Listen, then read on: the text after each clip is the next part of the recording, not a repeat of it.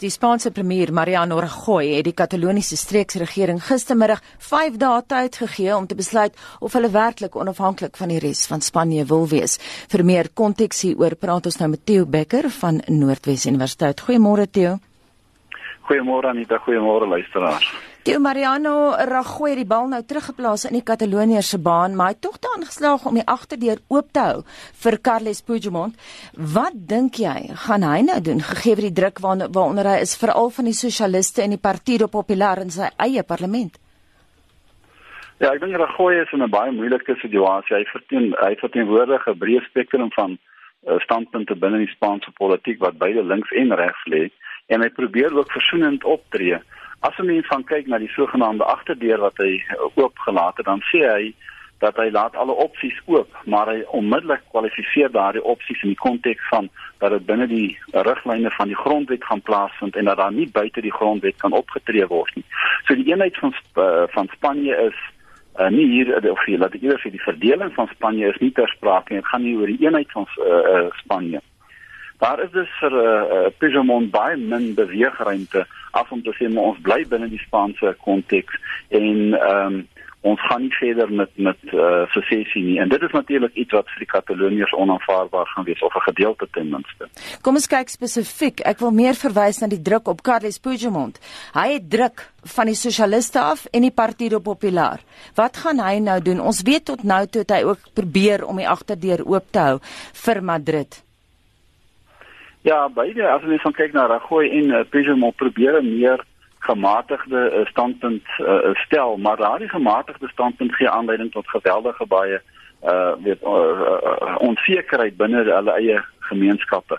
Puigdemont uh, het, het baie duidelik gesê dat hulle gaan vir uh onafhanklikheid of hulle wil onafhanklikheid hê, maar hy het nie 'n datum daaraan gekoppel nie. Hy het ook nie ge, daar uh, hy het ook nie daarna verwys oor hoe die struktuur moet lyk of die ehm um, organisasie moet lyk wat hulle wil vestig na uh, onafhanklikheid en watter konteks dit gaan plaas en dit uh, veroorsaak binne die Kataloniese omgewing geweldige ehm um, konflik en as persone wat alreeds argumenteer dat hy nie ver genoeg gegaan en dat hy ook nie ver genoeg wil gaan nie. Ehm um, hy het onder andere gesê we are all part of the same um um a community and we, we need to go forward together. Nou dit skep natuurlik geweldige groot spanning binne die Kataloniese omgewing. Um, en die reg van selfbeskikking word hier uh, bevraagteken. En die organiseerders van die volksstemming vroeër die maand sê 90% van Kataloniërs steun onafhanklikheid, maar daar was talle beweringe van knoeiery met die uitslag en die stempersentasie was laag. Dit's 43% wat gaan stem. Het, ons het ook sedertdien betogings gesien teen onafhanklikheid. Dis blyk hulle baie verdeel te wees. Anita, dis 'n baie belangrike opmerking wat jy daar maak. Ek dink dat die verkies of die kom ons sê dan die referendum of wat seker verwys na volksstemming, maar die wat algemeen bekend staan as 'n referendum in Katalonië het wel um, 90% ten gunste gestem van ehm um, jy weet afskeiding of dan secessie. Maar dit was die stempersentasie was maar 43% en mense moet gedagte hou dat die meeste wat graag en dis diegene wat graag wil deel wees van Spanje het nie aan die verkiesing deelgeneem nie. Ehm um, dis kan mense verwag dat daar 'n hoë ja stem sal wees, maar dit was 'n lae stempersentasie. Die Spaanse regering en die grondwetlike hof, die konstitusionele hof erken nie hierdie volksstemming of uh, referendum nie en die konstitusionele hof het dit ongeldig verklaar. Uh en dan as mens kyk na die ongeruimdhede, daar word alreeds gesê dat van die verslae self bekend gemaak voordat al die uh, stemme uh, getel is. So daar is nog baie baie groot vraagteken oor die geldigheid van die uh volksstemming of referendum en uh, dit skep natuurlik nog verdere verwarring. Theo, maar Regoy het nie soos wat verwag is artikel 155 van die grondwet gebruik om die Kataloniërs terug te dwing in die Spaanse kraal nie. Hoekom nie? As ons dan kyk na sy ehm um, die, die standpunte binne sy eie politieke party en groeperinge, dan is daar mense wat glo dat hy moes eintlik grondwet die die artikel 155 van die grondwet gebruik het. Uh, artikel 155 uh, maak dit uh, moontlik dat jy 'n groter mate van beheer oor jou streke kan uitoefen of daardie magte vir hulle kan toeken.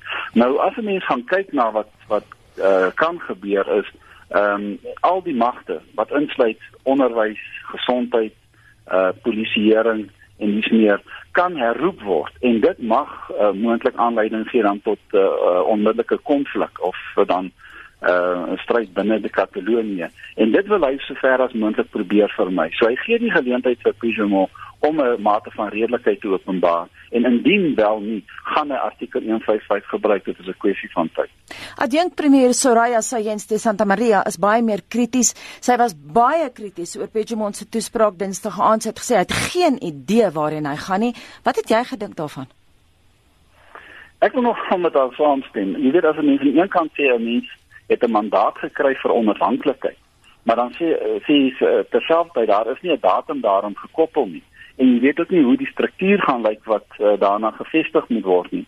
Dan ehm um, het 'n mens regtig nie die visie van 'n persoon wat uh, kan duidelik uitspel wat hulle wil hê nie of wat hy wil hê nie. En um, ek moet daar saamstem. Ek dink dit skep 'n groot mate van verwarring en dat die reg op selfbeskikking is eintlik hierso 'n uh, bietjie afgewater en uh, dit gaan vir die Kataloniërs gaan dit nog in die, in die, in die ak, uh, akskeem by. Reuse media belangstelling aan die storie meer as 1000 media instansies. Ek praat van instansies nie joernaliste self nie, waarvan 300 vanuit die buiteland is. Baie belangstelling vanuit Europa. Die BBC het gister met die skotte gaan praat oor hoe hulle voel daaroor. Natuurlik dit kan implikasies hê vir die breër Europa wat ook al nou gebeur in Katalonië. Nee, verseker, ek dink as mense van kyk na die media belangstelling gaan dit nog vir 'n ruk lank aanhou en dit is hierdie uh, hele probleem van uh eh, secessie of dan onafhanklikheid gaan nie verdwyn nie. En 'n mens kan verwag dat die media gaan bly uh aandag daaraan gee. Dit is interessant dat daar met die skotte gesels of uh, onderhoude gevoer is en en gesprekke plaasvind.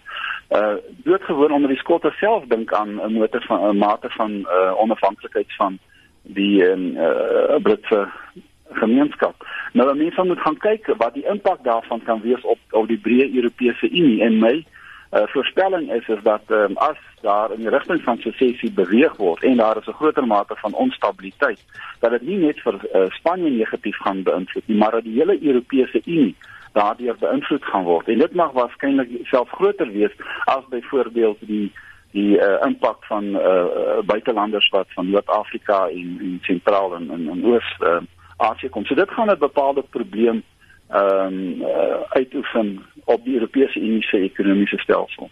Mariano Rogoy het groot gewag gemaak van die feit dat daar reeds buitelandse maatskappye is wat besig om te onttrek uit Barcelona. Is dit so? Ja, maar dit sê dit al reeds ehm um, uh, van die maatskappye het reeds geskuif. Ehm um, hulle geskuif net buite Katalonië en dan van hulle wat na Madrid toe skuif. En die groot rede daarvoor is dat uh, die argument is dat hulle wil binne die die wetgewing van uh, Spanje maar veral ook binne die uh, beleidsraamwerke en reëls van die Europese Unie optree. En hulle is bang dat as hulle in, in Katalonië bly, dat hulle daai status sal uh, sal verloor. En die dit was meer 'n praktiese of 'n pragmatiese tipe van benadering om hulle ekonomiese belang lewendig te hou. So ekonomies kan Katalonië seer kry ehm um, as daar in die rigting van onafhanklikheid beweeg word. Ehm um, die IMF is ook al reeds uh, daaroor bekommerd en uh, Maurice uh, opveld het uh, die hoof ekonom van IMF het uh, daar baie duidelik gebleik dat dit nie iets is wat ligtelik gesien of beskou moet word nie. Wat gaan ekonomies met Katalonië gebeur? Ons weet dit is 'n ryk streek, maar Barcelona sê hy kry minder uit Madrid as wat hy daar insteek. Is dit waar? Dis 'n baie moeilike situasie hierdie. Jy weet dit dit is so dat uh Katalonië is een van die ryker streke. Dit is 1/3 van die bevolking in Katalonië het tersiêre onderrig. Uh as ons van kyk na die, die, die 16%, jy weet uh, Katalonië vorm 16% van die Spaanse bevolking, die breë Spaanse bevolking. Maar hulle lewer 19% van die bruto nasionale produk. Ehm um, die uitvoere is meer as 25% van die totale Spaanse uitvoere. So dit speel 'n redelike dominante en belangrike rol. Maar hierdie goed kan al verander binne die volgende uh, maand of twee of drie as uh, Puigdemont met sy voorstelle voortgaan. En die sin dat die Europese Unie gaan nie maklik ehm um, vir uh, Katalonië erken en die hoofuitvoere van Katalonië is maar na die Europese Unie.